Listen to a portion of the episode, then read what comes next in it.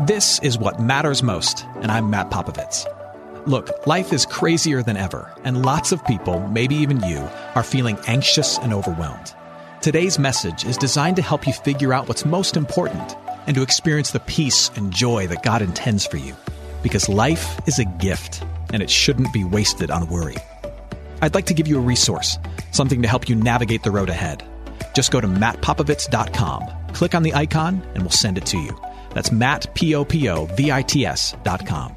And hey, if you happen to live in the Houston area, I'd love to see you on a Sunday morning at St. Mark in Spring Branch. Head to stmarkhouston.org to plan your visit. Here's today's message. Thanks for listening. When Jesus used that phrase, little ones, and he uses it uh, several times throughout the Gospels, when he uses that phrase, little ones, he's talking about more than children. Jesus was, in fact, using children as an analogy for a much larger part of the population. Jesus, in particular, was talking about people whose tangible need outweighs their practical value people whose tangible, pressing personal need outweighs their practical value for you. In other words, they demand more from you than they immediately give back to you.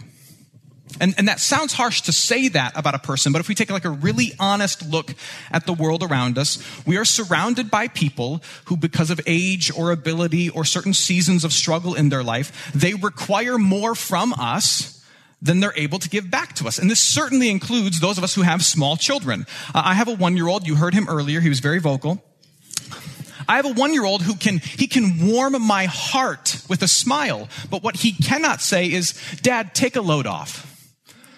I'll take care of some things around the house. You go catch up on the three hours I robbed you of last night while I was screaming bloody murder because I went to the bathroom in my pants. You go take a nap. He can't do that. So it includes children who, though they're an incredible blessing and though he one day will buy his mother a home, at this particular point in life, he demands much more than he gives back. So it includes children, but it also includes, and maybe you know this, that person at work who's perpetually asking for help or the person in your family who is constantly in need of financial assistance, or the friend you have whose, whose faith in Jesus is so fragile and so easily shaken that they're constantly asking you for advice and assurance as if you know everything, or the acquaintance that's in your circle of friends who is very socially awkward, who makes everybody else in the circle do all of the talking and therefore gets easily ignored and left behind and their feelings are hurt. These, as Jesus is saying, little ones, these are the people collectively that he's talking about. The people who, for whatever reason, they kind of require more than they give back. They're a little more fragile. They're easily forgotten. They're easily disregarded, but they play a necessary role in our life. Do you know who I'm talking about? These are the people who, if you take seriously the call to love them, they will not help you finish your work. They will not help you accomplish your task. They will not help you build your empire. But because of their need, they will require you to set aside your plans and tend to them. Yes, Jack, I will wake up in the middle of the night and I will change your diaper. With that said, let's reflect for a moment and answer this question Who are the little ones around you? Who are the little ones around you who demand a little more from you than they're able at this particular season in their life to practically give back to you?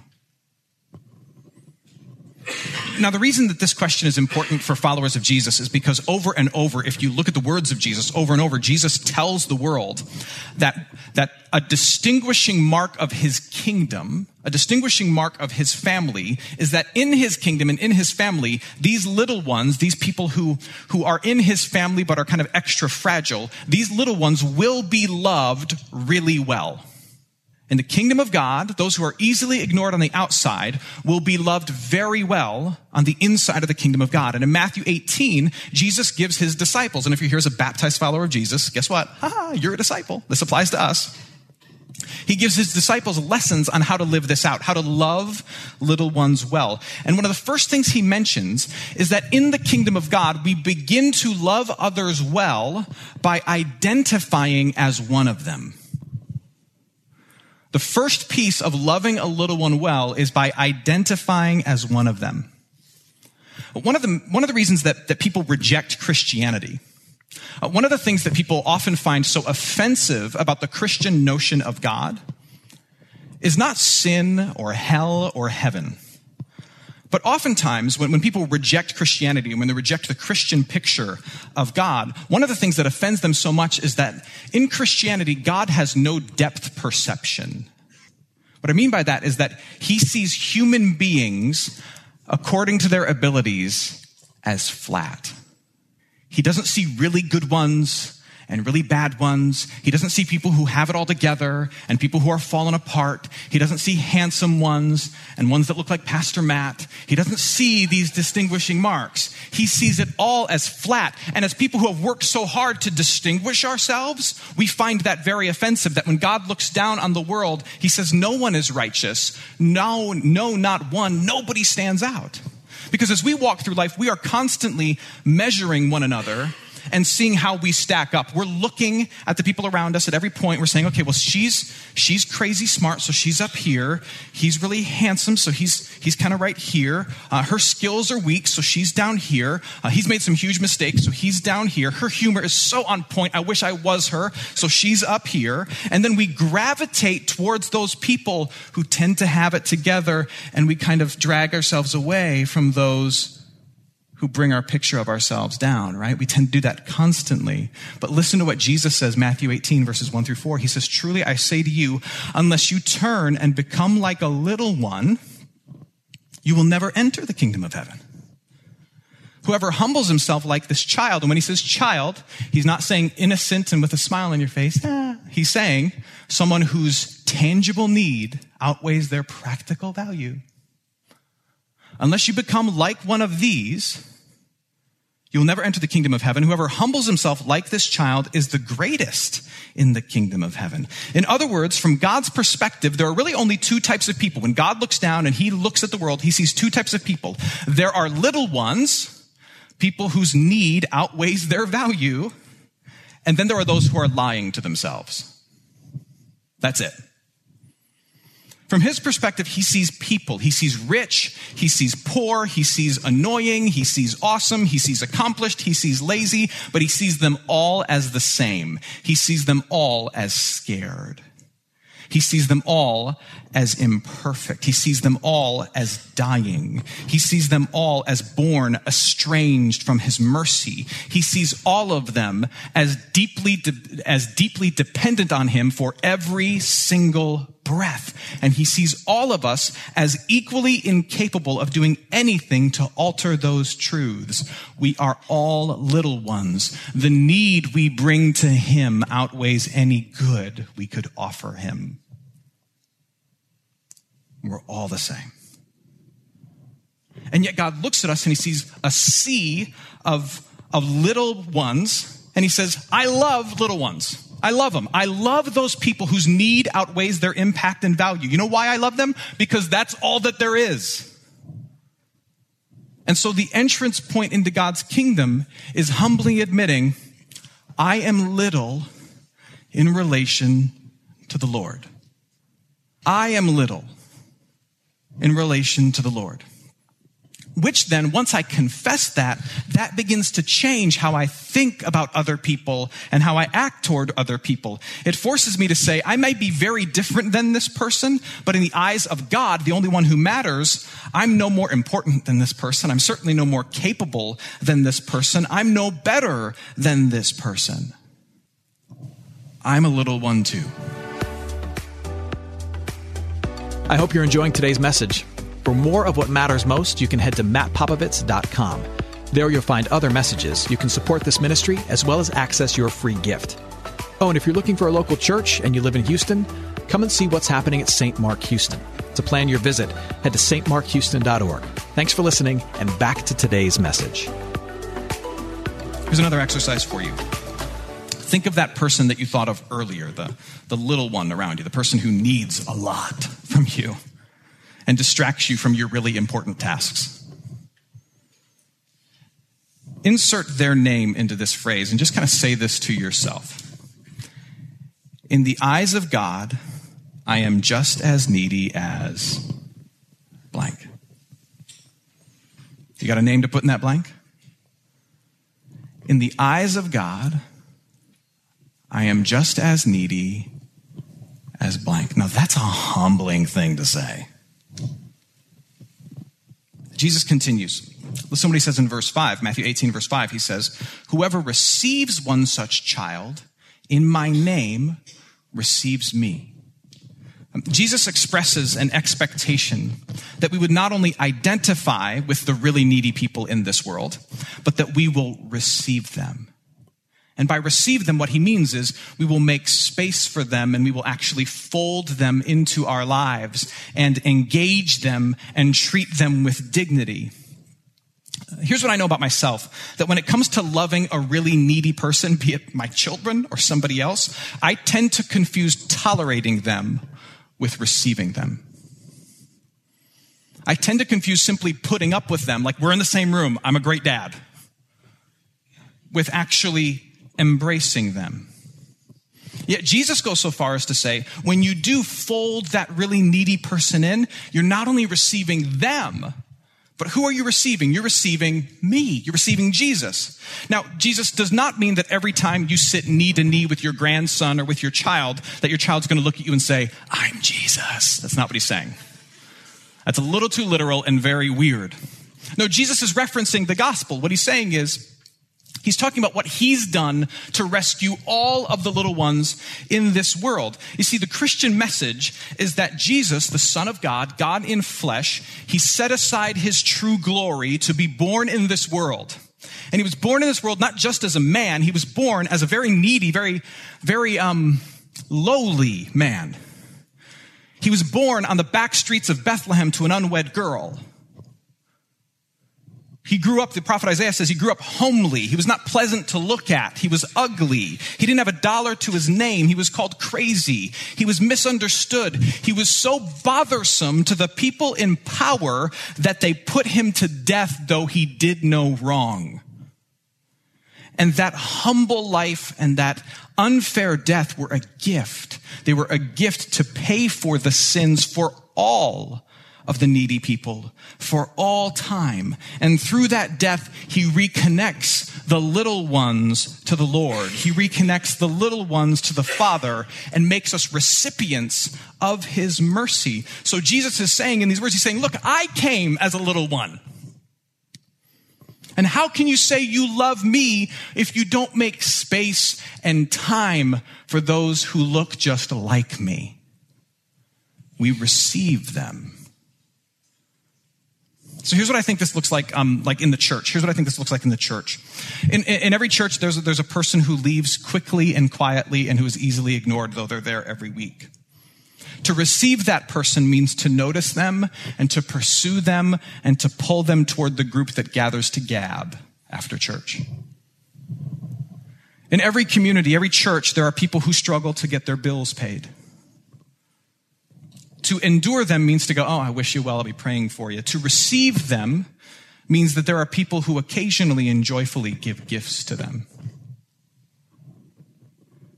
In every church in New York City on a particular Sunday, one of our neighbors who has no home or no fresh change of clothes will wander through the doors, and to, to tolerate them means to not kick them out. But to receive them means to welcome them and treat them with dignity. Here's what I think this looks like with children.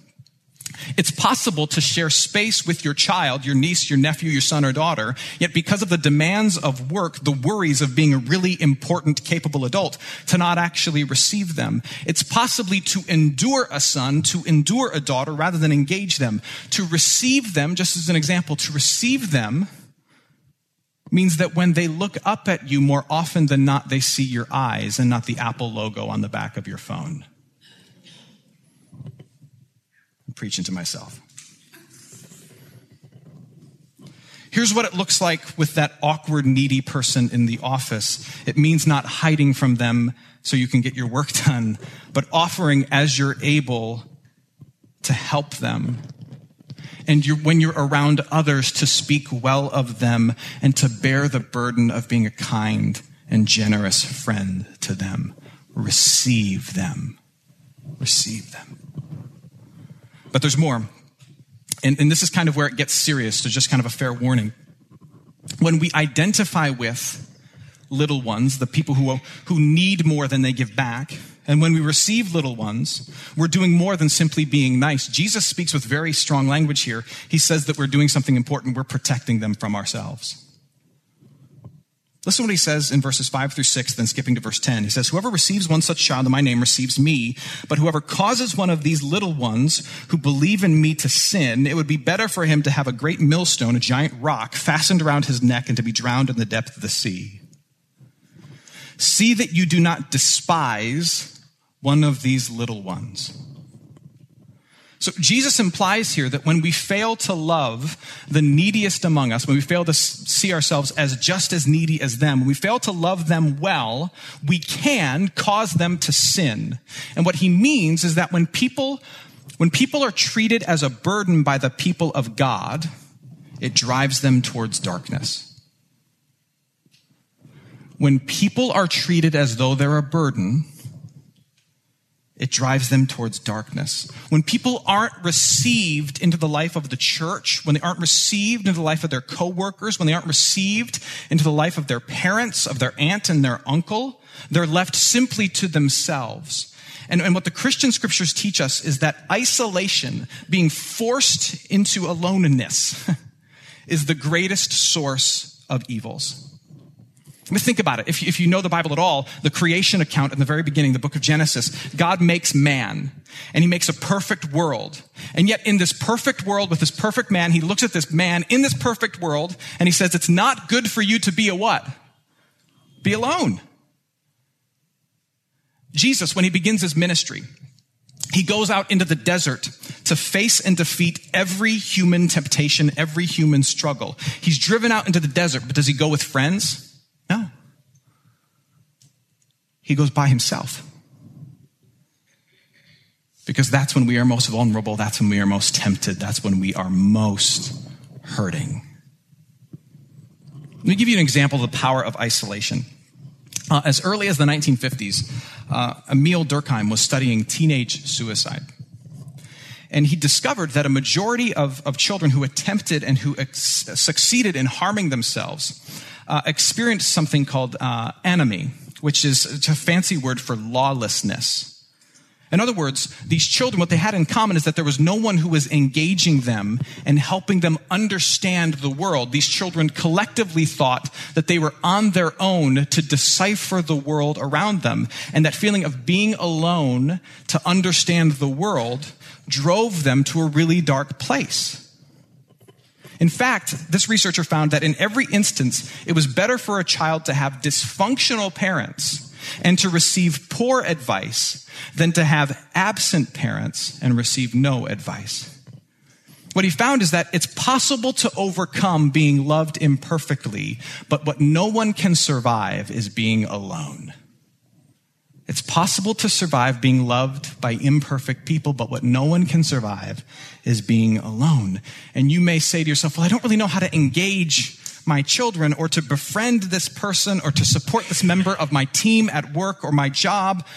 Maybe it's not about finding the perfect thing, but simply about doing something so that that person is not alone in this thing. Let me add one more piece. This comes from the Old Testament book of Deuteronomy, chapter 6. And in Deuteronomy 6, God is giving instruction to his people, the Israelites, on how to live faithfully. Specifically, it's instruction to parents, but it applies to all of us. Deuteronomy 6, starting at verse 20, God says this When your son asks you in time to come, what is the meaning of the testimonies and the statutes and the rules that the Lord God has commanded you, then you shall say to your son, We were Pharaoh's slaves in Egypt. In other words, you'll tell them the story. If you, if you love the needy people around you, including your children who demand so much, if you love the little ones around you, at some point, chances are they're going to look at you and ask you, why? Why do you befriend me when I know you don't have to? Why do you spend time with me when I know you're already so tired by work? Why are you patient with me when I know I annoy the heck out of you? Why are you generous to me even though I'm never able to give anything back to you? Why did you, why did you answer my need even though I'm not able to give anything in return? Or in the words of Deuteronomy 6, why do you do what God has commanded? And what you're tempted to say is, oh, because I have to, because God tells me to. Or years ago, I went to this church and this, this pastor laid a massive guilt trip on me, so I thought I'd be nice to you. Here's what God says to do He says, when they ask you why, when the needy person asks you, why do you love me?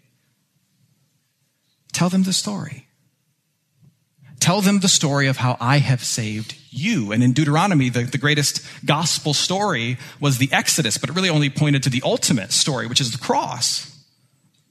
The last piece of loving someone well is not just identifying with them, I'm no better than them. It's not just receiving them, and you're not just protecting them from pushing them away into isolation, which is what we tend to do with people who need a lot. We push them away, we drive them into darkness.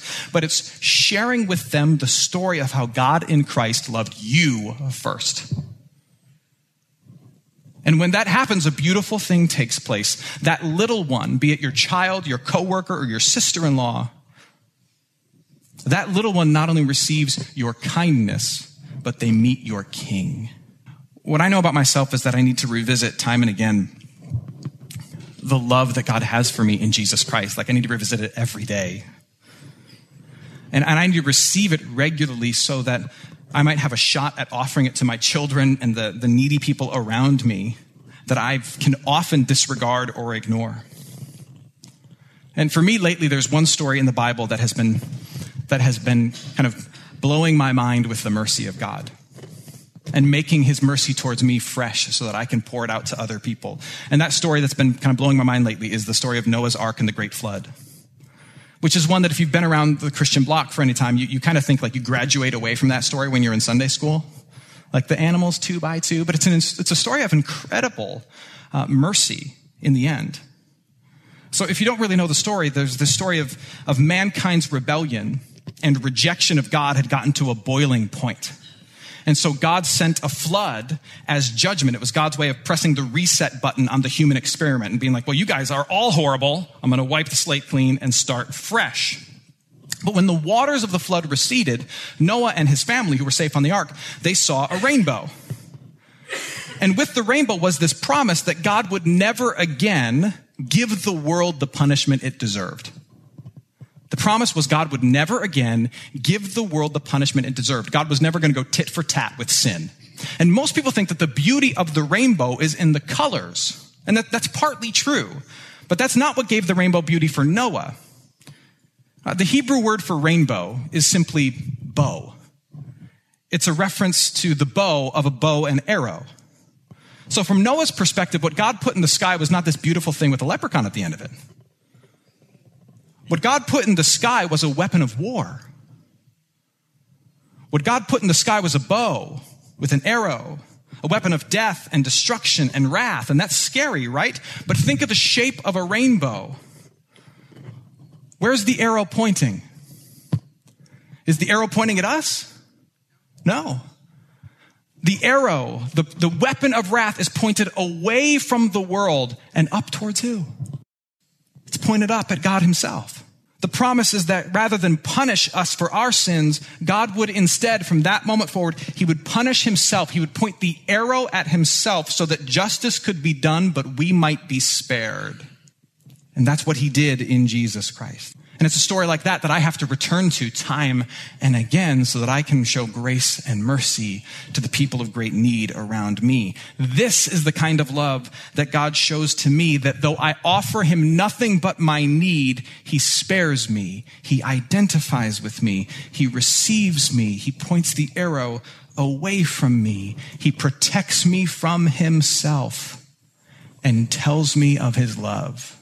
And then I get the privilege and the burden of doing the same for others. Hey, I'm Pastor Matt, and I hope. Hey, it's Matt. I hope you enjoyed what matters most. Here's what I need you to know life is a gift, and it shouldn't be wasted on worry. I want to help you figure out what's most important and to experience the peace and joy that God intends for you. So, for more content, you can head to mattpopovits.com. That's Matt, P O P O V I T S.com. There, you can also support this ministry as well as access your free resource, a little something to help you navigate the road ahead. I'd also love to see you on a Sunday morning. If you're in the Houston area, head to stmarkhouston.org to plan your visit. In the meantime, hit me up on Instagram at mpopovits or at facebook.com slash Matt Ministries. Thanks for listening. Now go and hold tight to what matters most.